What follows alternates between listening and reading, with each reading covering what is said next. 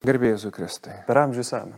Mėla malonu matyti, Gabrieliau, ir šiandien tiesiog toliau tęsiam savo gyvenimą ir tikėjimo kelionę. Ir kvietimas būtų iš tikrųjų pasidalinti, kaip pats per tuos penkis kunigystės metus ir tikėjimas, aišku, siekia kur kas ilgesnį tą laikotarpį. Kaip pats matai dabartinę situaciją? Kai kalbam, tarkim, ar ne, su vyresniais žmonėm, tai labai dažnai mes girdim tokį, nu, standartinį padėjavimą, kad kažkada buvo tarsi aukso amžius, vat kažkada buvo žymiai geriau, žmonės buvo nuoširdesni ir taip toliau ir panašiai.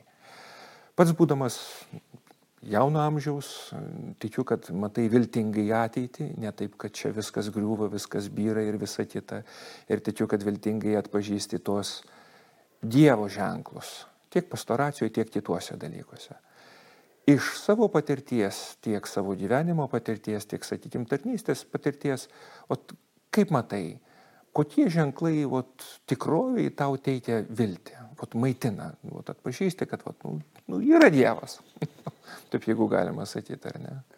Kuniga maitina ir jam teikia vilti tada, kai jisai reikalingas ir jūs tik naudokitės kunigais, ten, kad jie neturėtų laiko kada pavalgyti, tik tai ateikit, gerkit, reikalaukit, prašykit Dievo žodžio sakramentų ir, ir tai tie būna tokie ženklai tarsi žmogiškai išsunkia, bet jie dvasiai, tikėjimui nepaprastai reikalingi. Tai žodžiu, alkis, Dievo alkis, jisai Jeigu žmogus ateina norėdamas jį numalšinti, ir čia aš iš karto taip gal kuriu įtampą, neteina dėl to, kad mm, iš, iš reikalo, nes čia dabar taip turėtų ateiti, nes čia kažkokia proga, kuri reikalauja, bet tikrai norėdamas e, vienyti su viešpačiu, tai, tai ko daugiau reikia kunigui.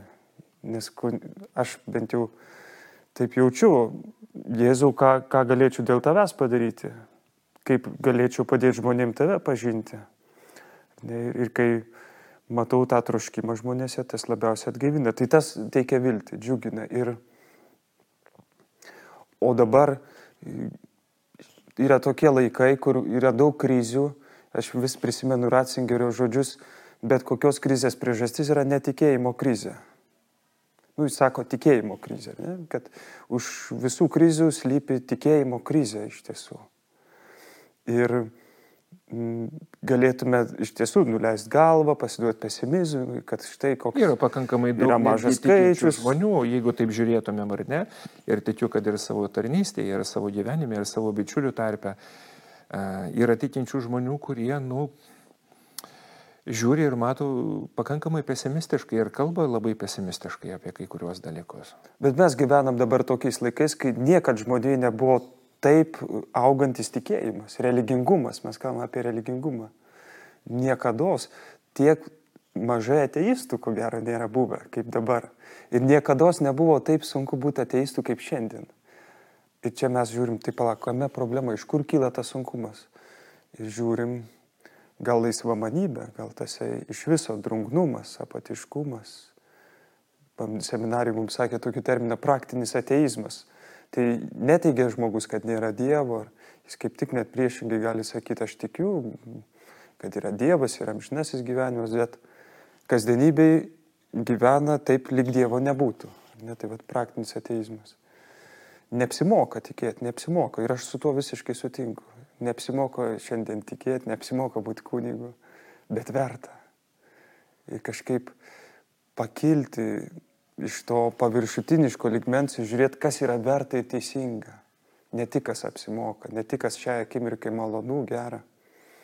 Ir čia yra, sakyčiau, vienas iš būdų, kaip užkabinti jauną širdį, pavyzdžiui, skelbiant mhm. Evangeliją, nes yra kiekvienas jaunuolis yra kaip tas turtingas jaunuolis kuris stengiasi, kuris yra natūraliai idealizme, nori būti tobulas, šventas, nenori veltui savo gyvenimą išeikvoti, nenori kažkam vergauti, nori būti tobulas.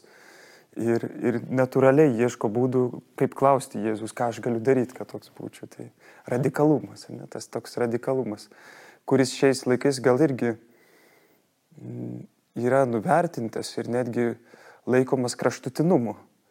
Nors Jėzus visiškai radikalus buvo. Evangelija yra radikali. būti krikščioniu yra radikalu šiai dienai. Čia vad gal ta priešprieša neapsimoka, ne?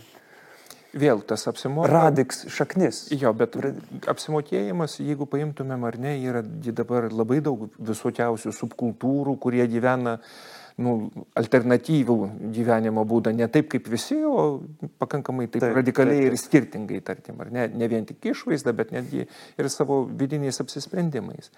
Tai klausimas e, būtų toks, o pavyzdžiui, kadangi mūsų vis tiek nu, pašautimas būti šventais, kaip, kaip pats paprastai vat, pabandytum jaunam žmogui paaiškinti, o šventumas tai kas?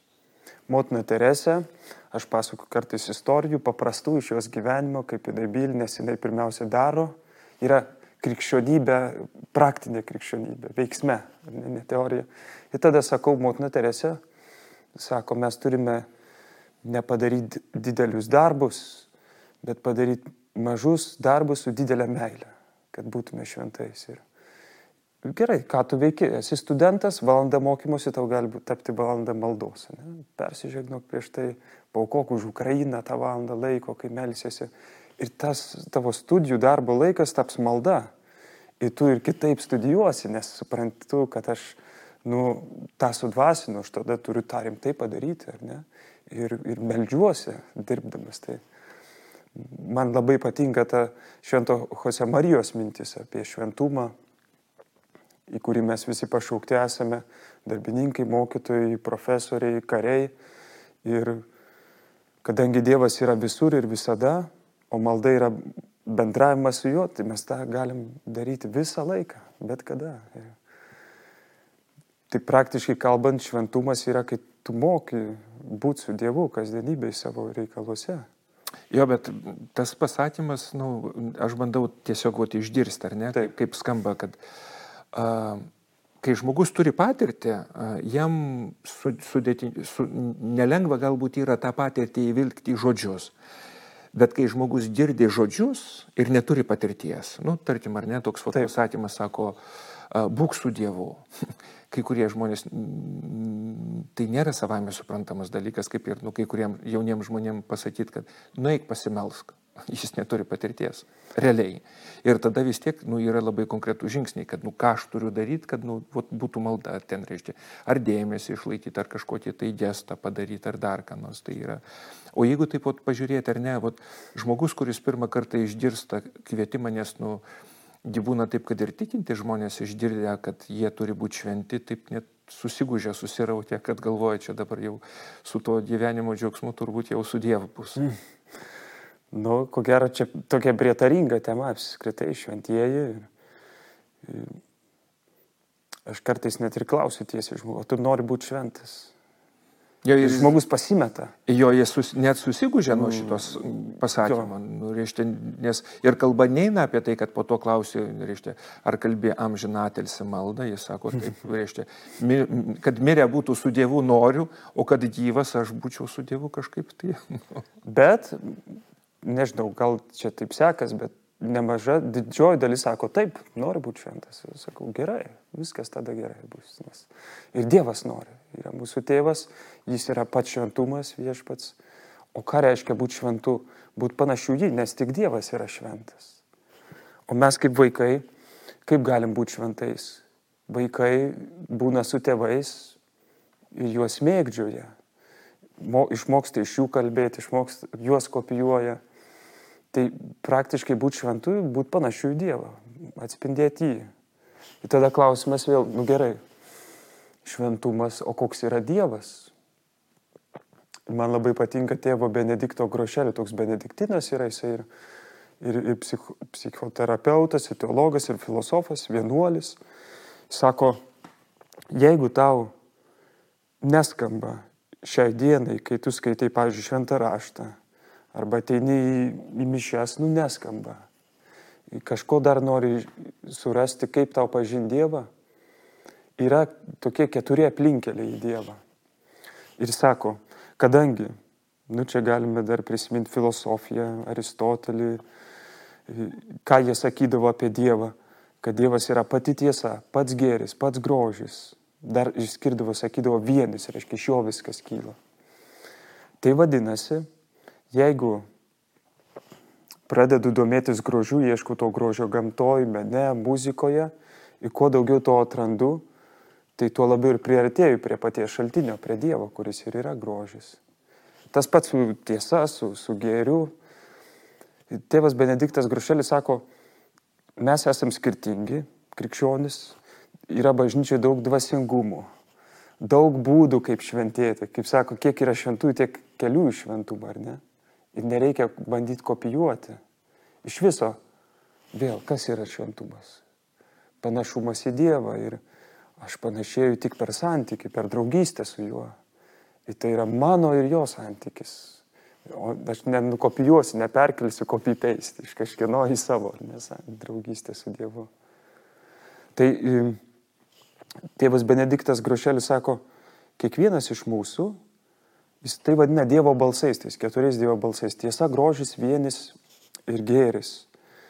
Jis sako, mes kiekvienas esame imlus, ypač imlus dviem iš tų keturių balsų. Jis pateikia pavyzdžių, pavyzdžiui, sako, Tomas Akvinietis, nepaprasto proto žmogus ir šventas, jisai kuo labiau gilindavosi, studijuodavo, protų mąstydavo apie Dievą ir prieartėdavo prie jo, tuo labiau laimingas jautėsi, tuo labiau intimesnėme ryšyje su viešpačiu jautėsi. Ir jam tą padėjo pasiekti studijos. Tai yra labai racionalių žmonių, kuriems reikia atsakymų, reikia knygų ir mes jiem turim sudaryti galimybę, sakyčiau, bažnyčia šiandien mes kažkokie blogai turi būti video, kažkokios geros knygos, bet irgi šio laikiniam žmogui pritaikytos, ar ne? Kad duot atsakymus. Yra tie, kurie užmiega nuo tų visų racionalių aiškinimų ir Dievo buvimo įrodymų. Jiem tai nekalba, sako, kiek tu kalbi, man, tu man parodyk Dievą. Man nereikia atsakymų, tu man parodyk. Ir tada, kiek daug Vilniui, pavyzdžiui, atvyksta studentų pirmakursių, kur gal nutolo nuo tikėjimo, nuo viešpaties, bet pradeda savanoriauti karite, pradeda vaikų centruose savanoriauti, gyvūnų namuose ir per tai vėl sugrįžta prie Dievo. Pavyzdžiui, motina Teresė puikus pavyzdys tas gėrio balsas. Darai gerą kitiem kažkaip tu pradedi jaus pilnatvę, tarsi Dievo artumą, nes Dievas pats ir yra gėris. Tai kitas būdas, Dievo balsas, šalia tiesos yra gėris darau gerą kitam, save dovanoju. Man svarbu, kad kuo daugiau aplinkui žmonių darytų gėrį ir, ir, aš, mes visi išgyvenam Dievo artumą per gailesimo darbus. Trečias tai grožis. Man, pažiūrėjau, tas balsas svarbus. Ir kai man sunku ar tikėjime, ar būna visokie etapai ir tas normalu, ir taip turi būti. Kryžiaus Jonas, motina Teresė sako, turi būti tyla, turi būti dykuma, Dievas ir augina ir veda per tai. Ar mes iš tiesų jį mylim, ar tikrai juo pasitikim, ar tik iš išskaičiavimų, nes malonu, nes gera, nes gal, gal net ir apsimoka. Tai grožis, grožis. Nu, va, prisiminkim momentą, kai buvom teatre. Ir nuo kūrinio, nuo orkestro, nuo tos muzikos bėgo širpuliukai per nugarą. Tokia dieviška akimirka buvo, ar ne? Arba gamtoj, matom kokią dubysę, kaip pingiuoja, arba kalnuose užsilipę matome saulėlydį ar saulėtį kaip prie jūros. Dieviška akimirka, apima nuostaba. Arba suvalgėm pirmą kreušę tais metais, paragavom savo sodę kreušę, sultingą, tokią tikrą. Ne? Mes kiekvienas turim išsaugoti tokių akimirkų, kur prisimensim visą gyvenimą, yra mūsų pagoda, tos nuostabos. Tai Jeigu mum ypač kalba muzika, menas, dailė, šokis, pavyzdžiui, o gal kažką motociklas. Ne? Kartais labai kai kurie žmonės nuvertina ten, ai, bet gal tie vyrai per motociklą, per jo garsą, per laukus, per miškus, kur mato dangų, prieartėja prie Dievo. Ir tai gali būti tas aplinkelis į Dievą. Ne? Tai va, tiesa, gėris, grožis. Nu ir vienas čia. Vienas tai, tai žmonės, kurie iš prigimties gal, gal labiau yra ramesnio būdo. Jie gal labiau eina į mėgsta vienumą, tylą, kontempliaciją. nori tenai išgirsti, atpažinti pėtsakus Dievo. Ir, ir tie žmonės šiandien populiaru, visi tie rytietiški dvasingumai, ar joga nueina į kažkokias meditacijas. Dievas jiem ypač kalba tyloje. Visiems kalba, bet vat, tokiam tarsi charakteriui. Jo, tiesiog iš tie žmonės gal Tarsi jaučia įtampą. Im, im, imlus klausytis tai Teresė Vilietė, pavyzdys būtų, nes ar kryžiaus Jonas. Ir jie kai kur rašo, kad kartais yra tokia įtampa tose žmonėse tarp proto ir tarp jausmų, tarp širdies ir smegenų. Ir į kas mano gyvenime galėtų viską subalansuoti, harmoniją man atnešti. Kas galėtų būti tas pamatas, pagrindas, ant kurio aš viską pastatau ir va tokiu keliu tarsi atranda Dievą, kuris viską sustato į vietas, mano gyvenimo viešpats, net tie žmonės. Aš šitaip įsipilžiu, bet apibendinant, sakyčiau, ir jaunam žmogui, aš tą nekartą kalbėjęs ir sutvirtinamiesiam, ir renginiuose jaunimui labai klauso, labai skamba. Iškia, greuna tą stereotipą, kad va būt šventų, tai tik tai melstis ranką sudėjus, tik, tai, tik per liturgiją tas įmanoma. Tai čia aišku, čia yra didžiausias mūsų turtas, centras. Jo, jeigu, jeigu tai gyva. Būtent ir, o kaip vat, duota impulsą pirmąjį tam gyvam tikėjimui. Tai tie aplinkeliai. Ne? Tai pasirodo galima studijuojant, keliant klausimus, diskutuojant, ieško Dievo ir surasti, ką darė filosofai ir atrado. Dar iki Jėzus Kristus teigia, kad turi būti pirmoji priežastis, nejudantis judintojas. Ne? Protingas kuriejas. Tai pasirodo savanorystę, ar ne, per gero darimą. Pasirodo per vaikščiojimą į muziejų, klausimą giesmių, geros kokybiškos muzikos. Ne šiaip pasileidus bet ką, ar ne, bet galiu per tai ieškoti ir užmėgsti ryšį su Dievu. O man, kai buvo 25 metai, aš mokiausi seminarijų penktam kurse ir buvo tikėjimo krizė. Vieną dieną, čia buvo žiema, aš vieną vakarą taip vaikštų ir mastau, kad viešpatė, ką aš čia veikiu. Ir iš vis, tada dar kitas klausimas, ar tu iš vis esi? Ar iš vis yra Dievas? O gal mūsų gyvenimas yra visiškai betikslis, beprasmis, nieko nepagrystas. Ir gal reikia pradėti gyventi taip, kad mėgautis kiekvieną dieną, išnaudot, kol turi progą. Tokių visokių klausimų ir aš leidau laisvai jiems kilt. Ir tada klausiu savęs, gerai, net jeigu aš nežinau, kokia prasme, ką aš galiu daryti su tuo, kas esu, kaip galėčiau prasmingiausiai panaudoti savo energiją, savo laiką, dėl ko būtų mažiausiai gaila, į ką galėčiau labiausiai investuoti gyvenimą. Bet jeigu viskas neturi prasmės, arba gal turi, bet aš niekada nesužinosiu jos, kur būtų mažiausia rizika? Ir tada aš galvoju, meilė, mylėti save dovanoti. Ir tada aš lieku seminarijoje, tai bus mažiausia save dovanoti, mylėti. Ne? Ir tada mėnesį tęsiasi ta tamsa tokia naktis, tyla.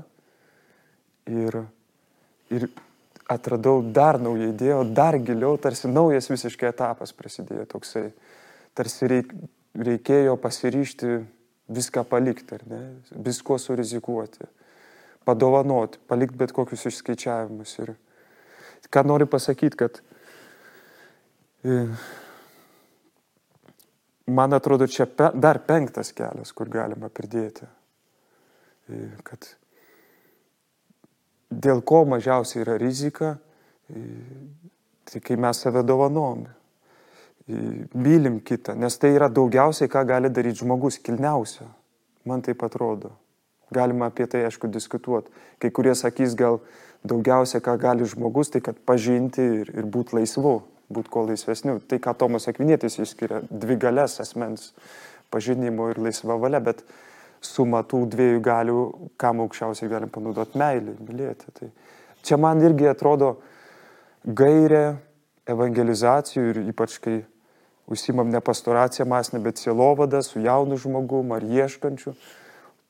ta prasme, kviesti jį į tą meilės kelią. Tu mylėk. Kovok su savo egoizmu. Būk savo gailestingas. Ne, geriau mylėti, negu būti egoistu. Ne, ir, ir, ir net jei nežinai dabar atsakymų. Jeigu Dievas yra, o mes tikim, kad Jis yra ir Jis yra meilė, tai tu rinkdamasis meilės kelią, net netiesiogiai Dievą, ne per Evangeliją, net per sakramentus, tu anksčiau ir vėliau jį sutiksi. Tikrai. Ne? Tik būk sąžininkas, būk sąžininkas, būk laisvas. Ne? Vilėk ir daryk, ką nori, kaip šiandien Augustinas. Ir labiausiai norisi perfrazuoti, nes yra, kaip ir minėjai, praktinis ateizmas, daryk, ką nori ir paskui mylėk. nes taip egoizmui patogiau yra. Ir iš tikrųjų pabaigai tai beliktų palinkėti, kad nesvarbu, kiek yra metų, reiškia jaunimas, nes esu girdėjęs tokį posakį, kad senatvė ateina ne tada, kai kažkoks skaičius metų susikaupia gyvenimo patirtį, bet tada, kai žmogus nustoja mokytis kažko naujo. O tada senatvė ateina į tą žmogų ir nesvarbu, ar jis mokykloje, ar jis jau yra gražaus, garbaus amžiaus, tai pasinaudotais aplinkkeliais ir pasižiūrėti, jeigu iš tikrųjų mano santykis su Jėzum yra kažkokiu įtampu, ar jeigu mano santykis su šventumu, su noru būti arti Dievo, ar ne, yra kažkokiu būdu šiuo metu toks, nu, gal netraukiantis arba užklimpęs, kad pasinaudotų tai, kuo pats pasidalinai. Dar pabaigai pridedant, iš tiesų pagalvokim kiekvienas, kokie yra tie du Dievo balsai, kurie mano gyvenime ypač skamba. Mes skirtingi. Kartais mes net pasiduodam kitam aiškinti, kaip jis turi tikėti, kaip jis turi artėti prie Dievo. Yra meniškesni, racionalesni, aktyvesni žmonės, filantropiškesni. Tai viešpats kalba kiekvienam asmeniškai veda. Tai kokie tie du balsai? Ar gėris, ar grožis, ar tiesa, ar vienis. Pavyzdžiui, Šventas Pranciškus Asižėtis, jis labiausiai išgyvena tą grožio balsą. Dievą išgyvena nuotykėje, bendrystėje, džiaugsme, dainoje, ar ne? gamtoje. Kokie tie du balsai, kuriem, kuriais man Dievas kalba. Ir čia mes grįžtam vėl prie šaknų, nes Sokratas sakė ką? Pažink save ir nieko daugiau. Mes pažindami save, galiausiai mes kaip šventas Augustinas pasieksim patį šaltinį savo savasties, troškimų visų Dievą. Tai, o Tomas sakinės gal kitaip, jis išeina iš savęs ir ieško Dievo tiesoje. Ne? Tai kaip Mes viešpaties apglėpti, sukurti jo mintį, jo širdį esame, kiek esame ir nustotume egzistuoti, jeigu jisai nemylėtų, negalvotų apie mus. Kiek daug būdų yra prie jo prieiti. Žodžiu, nebūkim svarbu kaip tie Jobo trys draugai, kurie apie Dievą žino, bet jo nepažįsta. Ir neleidžia Dievui ateiti pas juos. Kita kart, kad ir per kančią, Jobo dramą. Ir gal jiem apsimoka, bet neverta. Viskas veltui, tuštybė, tuštybė. Tai viešpatie duok mums tą gyvą tikėjimą, dinamišką, ne, kur kitą kartą gal net netiesiogiai per Evangeliją, liturgiją, bet per aplinkelius, kad galų galę mes bent kasdien kažkiek eitume link tavęs. Amen.